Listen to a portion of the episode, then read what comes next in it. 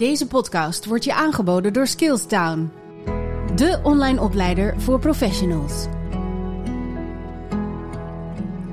Ik heb altijd al geweten dat ik anders ben dan andere mensen, als klein meisje al. Waarom was ik zo anders?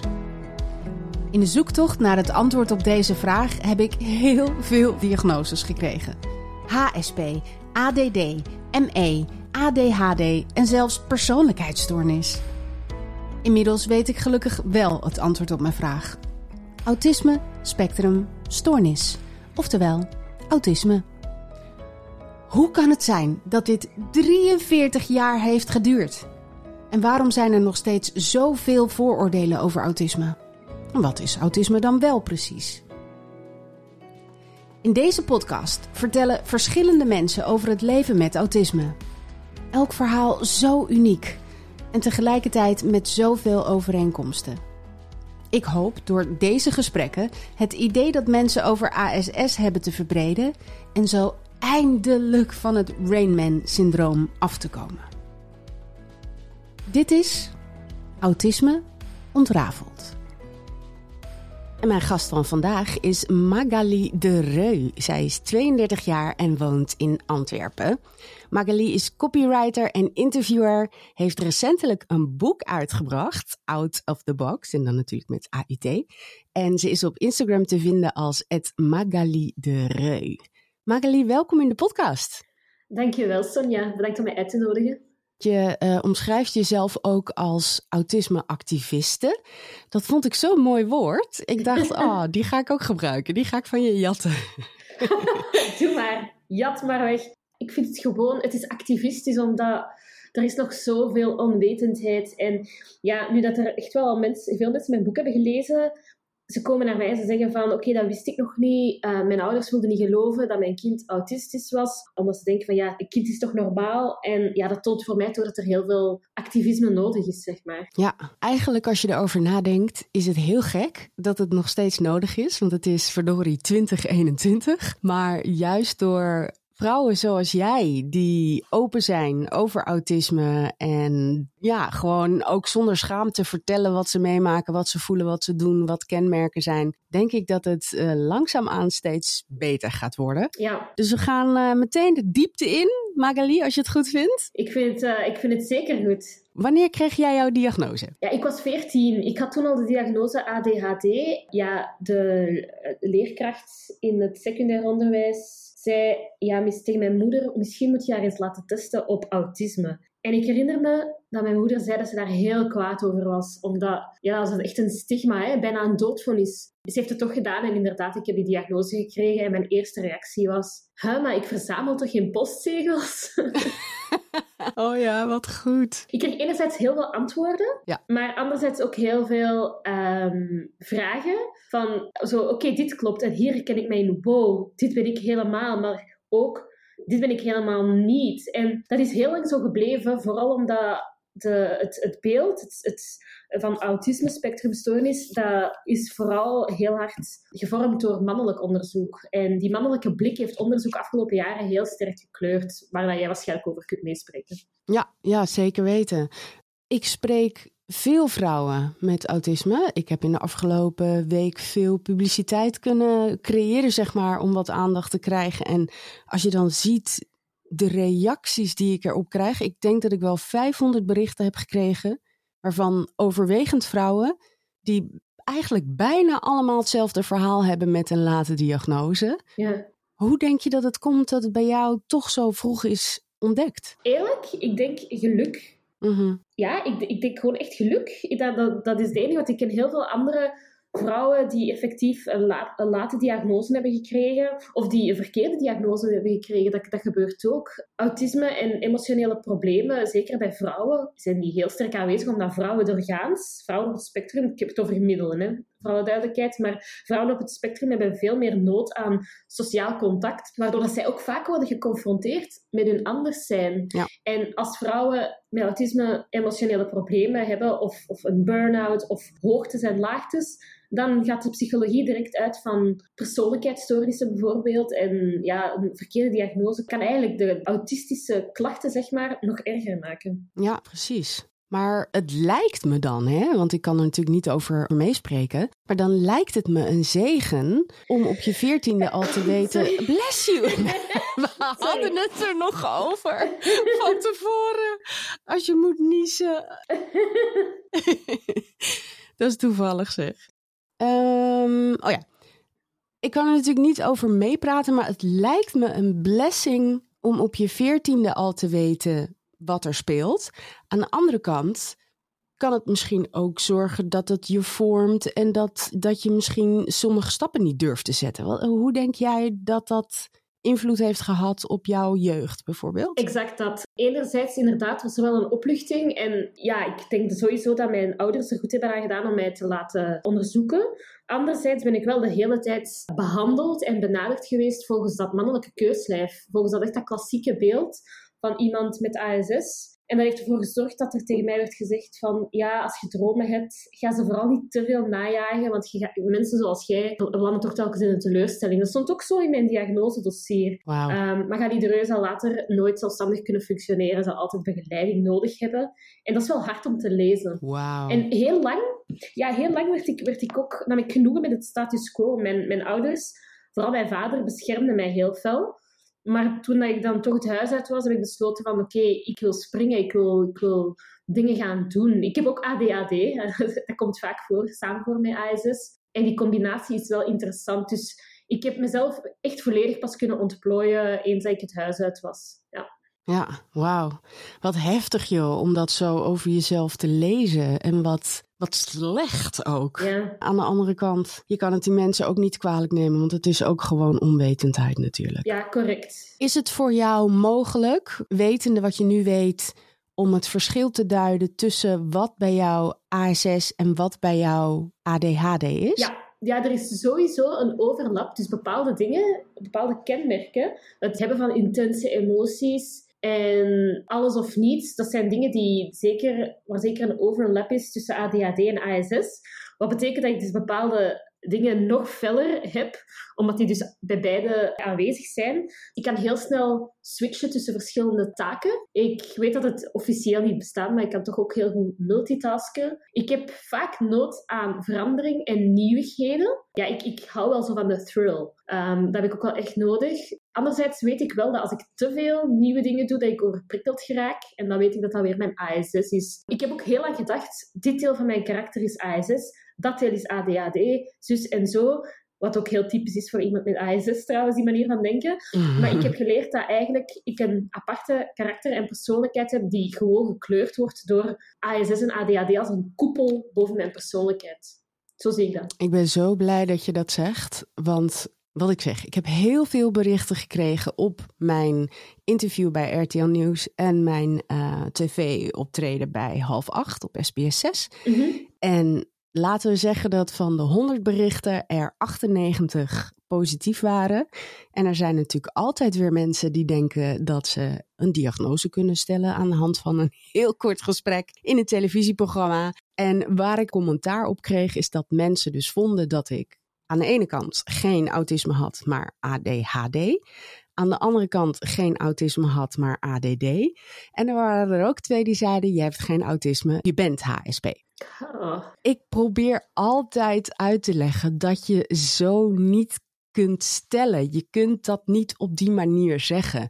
Omdat ik een aantal dingen noem die ook passen bij ADD, betekent niet dat ik alleen ADD heb. Het betekent dat ik autisme heb en dat er kenmerken tussen zitten die ook bij ADD passen. Helemaal, ja. Alleen dat maakt het niet minder autistisch. En dat is zo frustrerend. Ze mag er zijn en het klopt dat mensen zeker hoogsensitief kunnen zijn. Maar ik ben zelf ook in begeleiding geweest bij iemand die zichzelf burn-out coach of HSP coach noemde. En die probeerde mijn autisme te ontkennen. Mensen zeggen soms tegen mij, ja, maar ik heb de diagnose hoogsensitiviteit. Dat is eigenlijk gewoon een, een verzameling van eigenschappen die maken dat, ja, dat je hoogsensitief bent. Maar dat is wel iets helemaal anders Ja. dan ASS, dat heel je, je denken, doen, informatieverwerking enzovoort kleurt. Dus ik vind dat een beetje problematisch. En zeker ook die mensen, je ziet dat vandaag ook met virologen. Hè. Iedereen is eh, kenner over het coronavirus. Net zoals iedereen kenner is over ASS. ik vind het vet ergerlijk. ja, en ik ga dan ook op iedereen reageren. Ja, ja, zo ben ik ook. En ik, ik neem mezelf altijd voor, deze keer ga ik het niet doen alle negatieve berichten laat ik staan en ik reageer er niet op, maar ik ga het dan toch weer doen. Ik kan er niks aan doen. Het is sterker dan jezelf. Ja, precies. Heb jij daar ook last van? Dat als je een bericht naar buiten brengt of als je een optreden hebt gehad ergens in België, is het in België ook zo dat mensen zo negatief reageren? Nee, eigenlijk niet. Ik heb het gevoel dat sowieso, want jij bent ook een bekend iemand, dus jij krijgt waarschijnlijk al sneller de wind van voren, zeg maar. En in Nederland, dat is ook een verschil. In Nederland is men veel directer. Als er iets niet goed was, ik denk dat ze bij jullie dat sneller gaan zeggen. Zelfs of als ze iets niet goed vinden, ze gaan dat sneller zeggen. Hier gaan ze zeggen, oh, goed gedaan. En misschien denken, ja, ik denk dat hij eigenlijk dat heeft of meer dat heeft. Ik heb vooral tot hiertoe positieve reacties gekregen. Op bepaalde interviews kwamen er ook wel mensen die zeggen van moeten we hier overal een labeltje op, uh, op kleven. Oh, daar krijg ik ook zo'n jeuk van. Heel irritant. Ik zeg ook altijd, jongens, labels en stempels plak je op producten, ja. niet op mensen. Nee, inderdaad. En die labels, om het zo te noemen, of die, die namen, het, is, het draait niet zozeer om dat wij speciaal willen zijn of whatever. Het draait er eerder om dat wij een, een kader, een richtinggevend kader krijgen om meer te leven volgens onze eigen handleiding. En dat is ook zeker wat ik in mijn boek en ook in mijn podcast, Outcast, probeer duidelijk te maken van dit is niet zomaar een label of een, etiketje, dit is echt een... Dat is neurodiversiteit. Onze hersenen werken anders en wij hebben nu eenmaal op bepaalde vlakken meer duiding en sturing nodig. Als mensen echt haatdragend gaan doen, dan zeg ik vaak dikke knuffel. Omdat zij dat nodig hebben. Ja, ja wat goed. hey, en mensen met autisme kennen geen empathie. Nee, voilà, inderdaad. Oh. Dat, dat vind ik echt verschrikkelijk. Dat vind ik misschien het ergste misverstand. Ja? Ja, toch wel. Omdat wij, wij zijn soms net te, te empathisch. En ook, je weet dat waarschijnlijk wel, er is een verschil tussen cognitieve en, en affectieve empathie. Of perspectieve en affectieve empathie. Het eerste is waarbij je kunt verplaatsen in andermans uh, leefwereld. De affectieve empathie betekent dat je, je in de mate waarin dat je kunt meeleven met iemands gevoel. Ik kan wel zeggen dat perspectieve empathie bij mij soms ontbreekt of in mindere mate aanwezig is, maar om, om botweg te zeggen, uh, die heeft geen empathie. Vroeger werd ik daar echt voor zo bejubeld. Als ik iets deed dat empathisch was, dan kreeg ik echt zo bijna een applaus. Goed gedaan, goed empathisch gereageerd. Zijn er überhaupt wel mensen die durven te zeggen, bijvoorbeeld wat je hier in Nederland heel vaak te horen krijgt, is net als de, het boek van Bianca Toeps, je ziet er helemaal niet autistisch uit. Krijg je dat soort opmerkingen wel eens? Oh ja, toch wel. Vooral vroeger, dan, dan zeggen mensen, voor mij zeiden jij niet autistisch. En dan denk ik, heel lang dacht ik van, dat is een compliment, maar dat is het eigenlijk niet.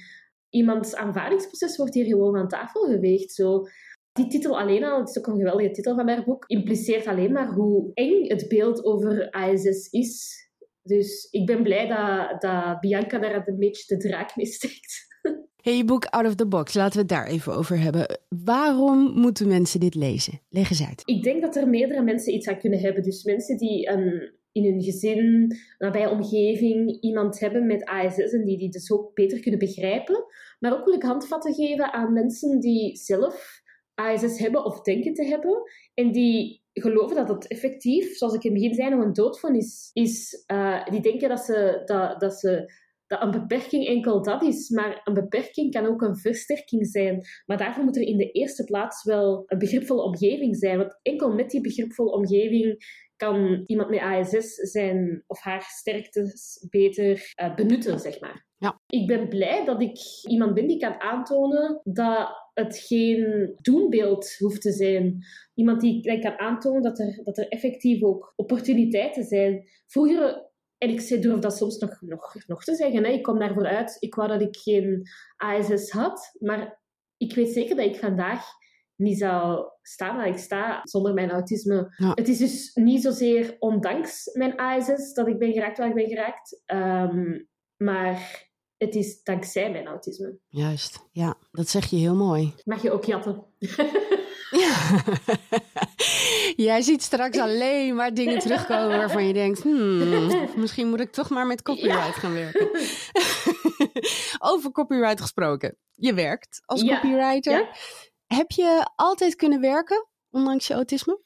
Uh, ja, eigenlijk wel. Um, behalve in loondienst. Mm -hmm. Dus als loontrekkende was het echt een nachtmerrie. Eerst heb ik het heel lang verborgen gehouden, omwille van dat beeld dus, dat er in onze maatschappij leeft. Daarna heb ik het gezegd, maar dan kreeg je inderdaad van die andere reacties. Hè, van ja, maar iedereen is een beetje autistisch. En het maakt voor ons niet uit, zolang dat je maar je best doet. Maar dan doe je iets wat niet, niet strookt met hun sociale normen of hun, hun verwachtingen. En dan krijg je de wind van voren. En het moest bij mij tot een burn-out komen in 2015, voordat ik heb beslist, oké, ik ga voor mezelf werken. En dat blijkt tot vandaag nog steeds de beste keuze ooit te zijn. Vond je het spannend om voor jezelf te gaan beginnen? Want ik kan me zo voorstellen, als ik even denk aan dingen die bij heel veel mensen met autisme, zowel mannen als vrouwen, voorkomen, is moeite met bijvoorbeeld executieve functies. Als je voor jezelf begint, je hebt zelf een onderneming, of dat nou groot of klein is, moet je heel veel. Ik heb zelf bijvoorbeeld al twee keer een flinke boete van de belasting gehad, omdat ik weer vergeten was om op tijd mijn, uh, volgens mij is het BTW, ik ben er zo slecht in, om dat door te geven. Um, en ik doe dat echt niet expres. Nee, ik Want ik wil echt geen boete. Tuurlijk niet. je wel? Tuurlijk niet. Heb je daar moeite mee gehad in het begin? In het begin nog steeds. um, ik, volgens mij sta ik eens op een zwarte lijst of zo. Nee, serieus. Uh, eerder dit jaar waren we op, met vakantie. Je weet wel, toen het zo eindelijk even terug kon. Mhm. Ik had gezegd van ik ga volledig uh, disconnecten van werk. En ineens kreeg ik een mail van de... Uh, ja, bij ons heet dat de FOD, de FOD Financiën. Zo, laatste kans in drukletters, uitroepteken, uitroepteken. Ja, ik was gewoon los vergeten te betalen. Ik heb dat vandaag nog steeds. En dat is echt heel moeilijk, want mensen, en dan vooral mijn, mijn vriendin, die vooral duidelijkheid heel begripvol is, maar dan heeft zij zoiets van, alleen je bent zo goed in het schrijven en het runnen van je onderneming, maar administratief loopt dat zo mis. Maar dat, is, dat heeft niks te maken met lui zijn of laksheid, dat is echt gewoon executieve dysfunctie. Ja, precies. En is het bij jou dan ook zo dat je of het gewoon glad vergeet... En als je het niet glad vergeet, dat dan de kans bestaat dat je het zo vaak uitstelt dat je het vanzelf een keer vergeet. Oh ja, dat is, dit is heel confronterend. Mijn motto is: due tomorrow, do tomorrow. Weer al iets dat je kunt jatten. ja, het is heel erg, maar dat is wel wat er gebeurt. Ja, ik moet dus nu nog steeds mijn BTW betalen. En dan is er iets in mij, dat is heel raar, hè? dan is er iets in mij dat zegt van, ja, maar nu maakt het toch al niet meer uit. Ik ben toch al te laat, dus stel nog maar een keer uit. Ja, ja, dat herken ik wel. Wat zou je willen zeggen tegen mannen, vrouwen, jongens, meisjes met autisme die zitten te luisteren, die misschien denken, ik heb autisme, dus een uh, eigen bedrijf is niks voor mij. Fout. Mensen met ASS kunnen zeker uh, goede bedrijfsleiders of, of bedenkers van nieuwe ideeën, concepten zijn. Kijk naar mensen zoals jij en ik, maar ook Elon Musk zit ook op het spectrum. Nee, dat hoeft niet zo te zijn. Ik heb zelf bijvoorbeeld dat sinds dat ik mijn eigen bedrijf heb, kan ik veel. Ja, kan ik. Bij mij is het alles of niets. En dat is vaak bij mensen met ASS zo. En als het alles is, dan gaan wij er ook voor. Natuurlijk, er zijn mensen met ASS of zonder ASS, maakt niet uit, die niet geschikt zijn om ondernemer te worden. Maar dat betekent nog steeds niet dat die, dat die verloren zijn in de, de maatschappij. Iedereen kan zijn eigen plek innemen. Het hangt er alleen vanaf hoe ontvankelijk de omgeving en de mensen rondom jou heen uh, ervoor zijn. Ja, precies. En wat zijn de dingen die jou op dit moment het meeste beperken? De omgeving. Onlangs was er een, uh, een recruiter en die wou mij bellen voor een nieuwe opdracht. En ze zei, hoe ondervinden werkgevers last of hinder van jouw ASS? En ja, ze had duidelijk echt een verkeerd beeld over ASS. Dat, dat stoorde mij heel erg. Daarnaast heb ik ook heel veel last van auditieve overgevoeligheid. Ik kan echt boos of paniekerig worden van brommende en drillende geluiden. We wonen ook vlakbij een ziekenhuis, dus heel vaak komt er een ambulance voorbij. En ja, daar word ik echt heel wegloperig van. Dus ja, die overprikkeling heb ik wel heel veel, heb ik heel veel last van. Ja, en soms ook ben ik echt ja, ga ik echt gebukt onder mijn eigen obsessies. En ik kan het dan niet loslaten. Vlak voor dit interview was ik nog echt alles aan het opzoeken over Ted Bundy. Ik heb iets met true crime en seriemoordenaars. Same. Vorige week was de Amish nog. Vind ik ook heel bijzonder.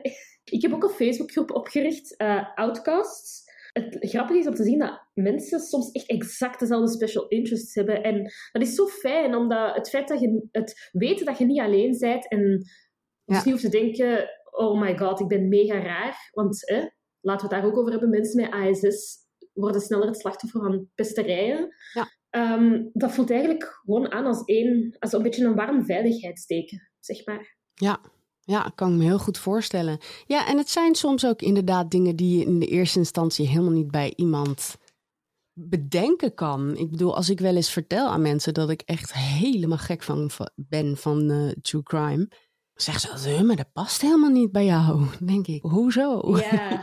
ik vind bijvoorbeeld seriemoordenaars ontzettend fascinerend. Ik ook. Dat betekent niet dat ik ze leuk vind. Of dat ik sta achter wat ze doen. Ja, dat we zelf uh, een, uh, een, dat er een verborgen seriemoordenaar in ons zit. Het gaat mij om de psyche. Om wat iemand beweegt ja. om dat te doen. En hoe iemand op zo'n punt komt. Net als bijvoorbeeld inderdaad Ted Bundy. Ik heb geloof ik wel vier keer die, die twee uh, series op Netflix gekeken. I know. En dat is ook vaak bij vrouwen met ASS. Dat zij heel hard geïnteresseerd zijn in de werking van het menselijk brein. Wij willen weten, wat gaat er in hun brein om? Wat is er daar gaande dat ze die misdaden kunnen begaan? Ja, dat vind ik ontzettend interessant. Ja. ja, grappig hè? Een vast onderdeel in de podcast is de stellingen. Ik heb een, een flink aantal stellingen verzameld van dingen waar ik tegenaan loop, dingen in mijn dagelijks leven, dingen die me opvallen, die ik gek vind of nou ja, die gewoon bij mij passen. En die ga ik aan je voorleggen en dan ben ik gewoon benieuwd of jij het ook hebt, doet, voelt of dat je denkt, nou, die Sonja is helemaal gek. ik ga ermee stoppen.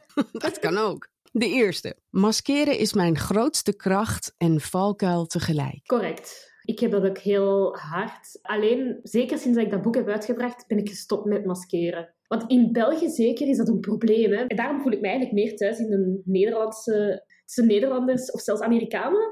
Men zegt iets en dan gaat er zo in heel veel bochten en omwegen, zo maakt men een punt. Terwijl ik vind het dan gewoon handig om te kunnen zeggen waar het op staat. En mensen denken soms direct zijn, dat is onbeleefd zijn. Maar je kunt ook direct en aardig zijn. Ja, oké. Mij niet bellen. ik wacht tot de telefoon stopt met bellen en dan app ik. Ik neem vaak de telefoon wel op, maar vaak ook niet. Als ik al overprikkeld ben, dan denk ik, ik zal wel inderdaad een berichtje sturen of ik bel later wel terug. Dus vroeger was dat totaal niet aan de orde, nu wel al wat meer, moet ik toegeven. -hmm. Heb je moeite met uh, bijvoorbeeld het bellen van instanties? Als je bijvoorbeeld weet dat je je BTW te laat hebt betaald en je moet gaan bellen met de FOD of de FOD.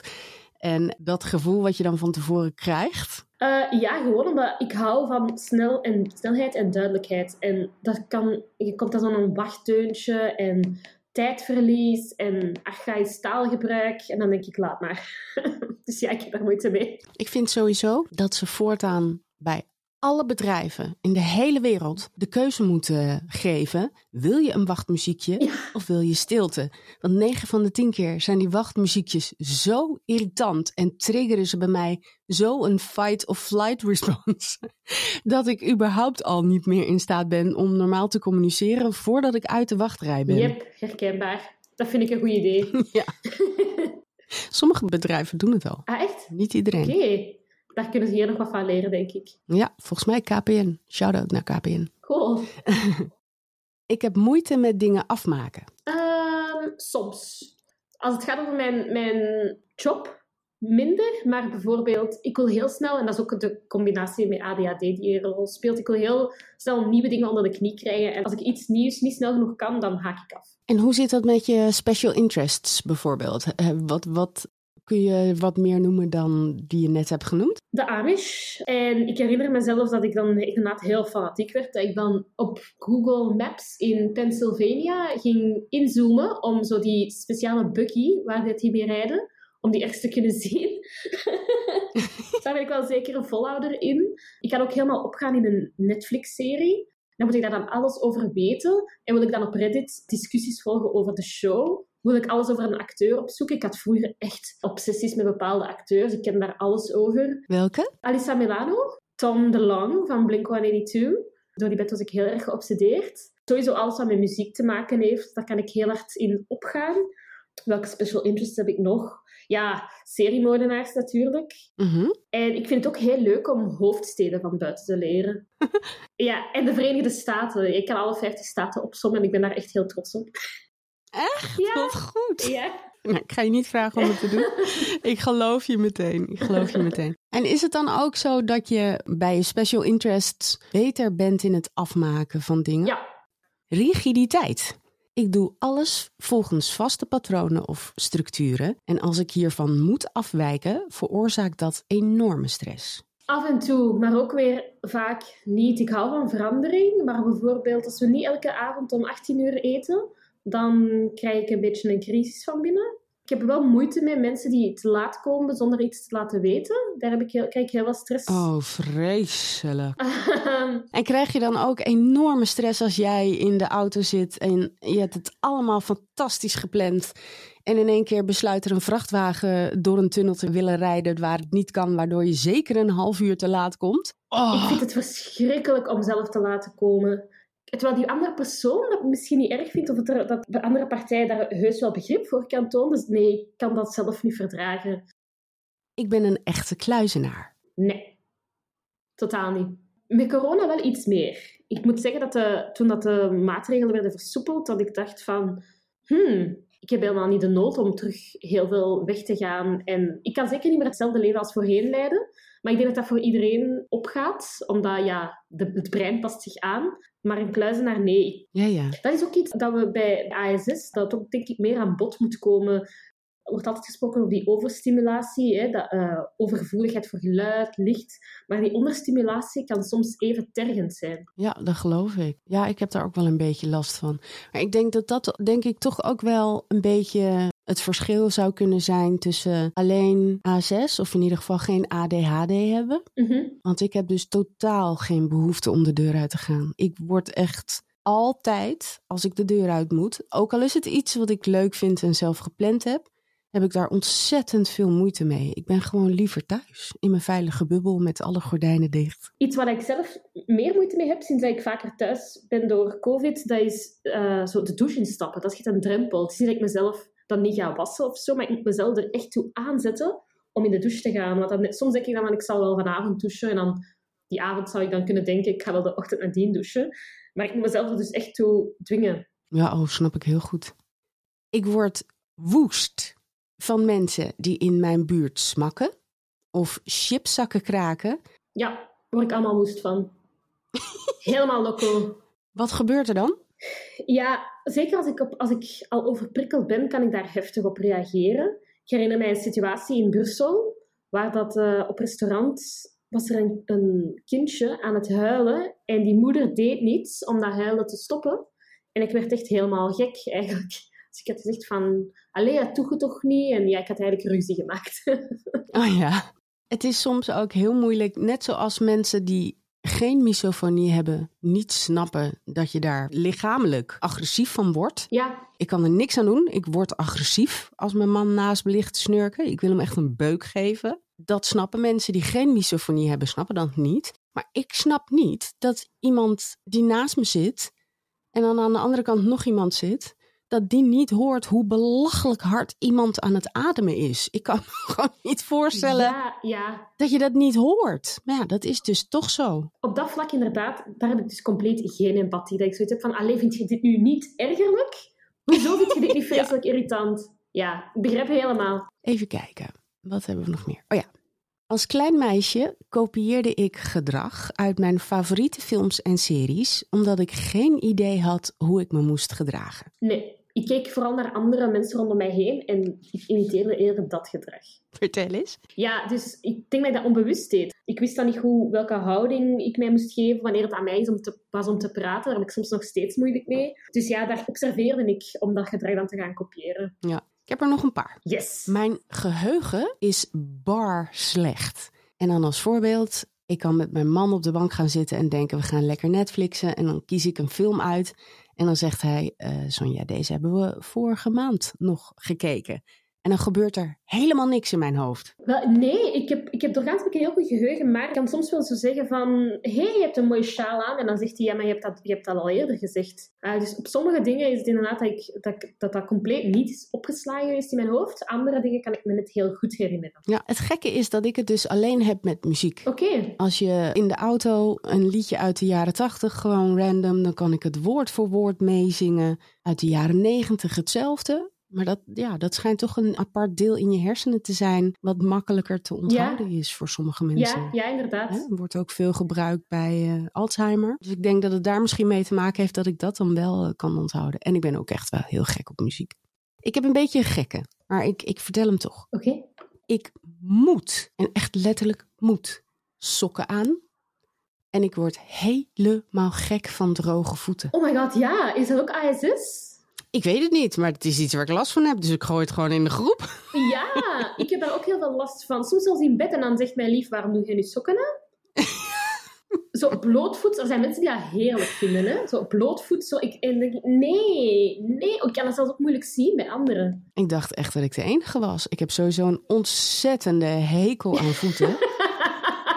Zalig. voeten en oksels. Oh. Ah ja, ja, dat snap ik wel. Ja, maar ook als mijn voeten droog zijn, dan ga ik echt uit bed om ze in te smeren en dan weer terug naar bed. Ik kan echt niet tegen droge voeten, ook niet bij andere mensen. Dan zie je wel eens mensen lopen in de zomer, vrouwen, Ja, met van die krakkelee hielen. Oh, ik kan daar niet tegen. mhm. ja, ja, ik vind het ook verschrikkelijk. Oh, ik ben niet de enige. Nee. Ik heb er nog twee. Als mensen aan mij vragen, wat doe je vanavond of wat ga je dit weekend doen? Dan denk ik, precies niks. Ja, ik vind dat wel heel leuk. Inderdaad, niks doen. Ik snap ook niet dat andere mensen, of tenminste, ik snap het wel, maar ik vind het altijd grappig om te zien dat andere mensen dan allemaal nog wilde plannen hebben na het eten of na het eh, werken. Dan gaan we nog eten en dan gaan we nog dit en dan gaan we dat. En dan denk ik, nee, ik ga naar huis. Ja, ik probeer toch meer mijn, volgens mijn eigen ritme te leven en te zeggen van oké, maximum zoveel activiteiten per week, zoveel per dag. Ja, dat is- hoort bij het grenzen, stellen van grenzen. En dat is toch wel heel belangrijk, zeker als persoon met ASS. Ja.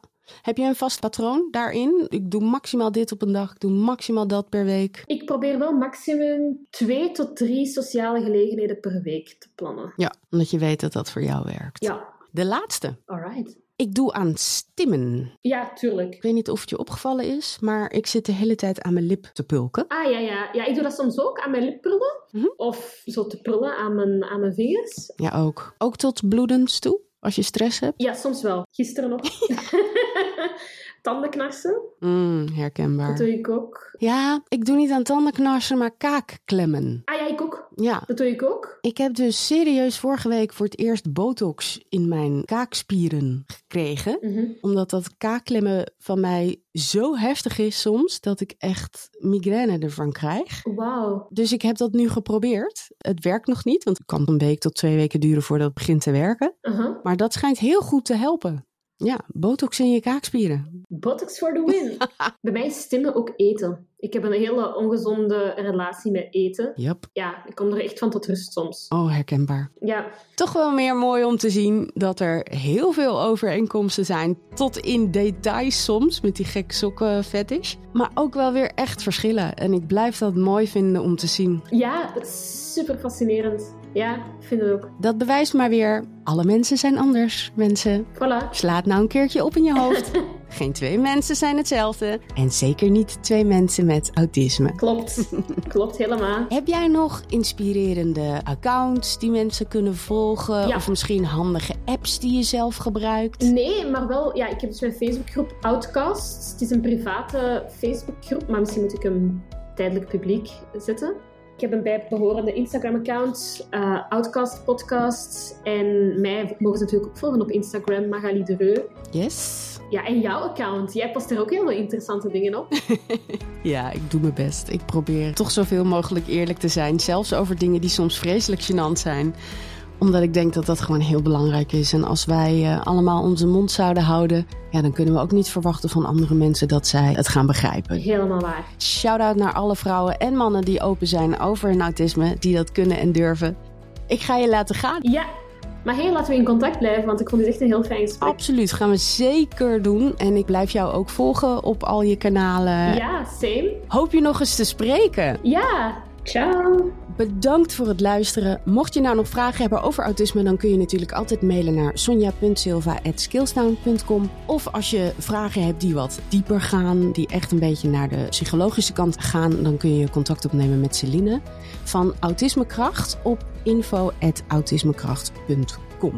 Volgende week is er natuurlijk weer een nieuwe aflevering met een nieuwe gast met een heel eigen verhaal. Tot dan.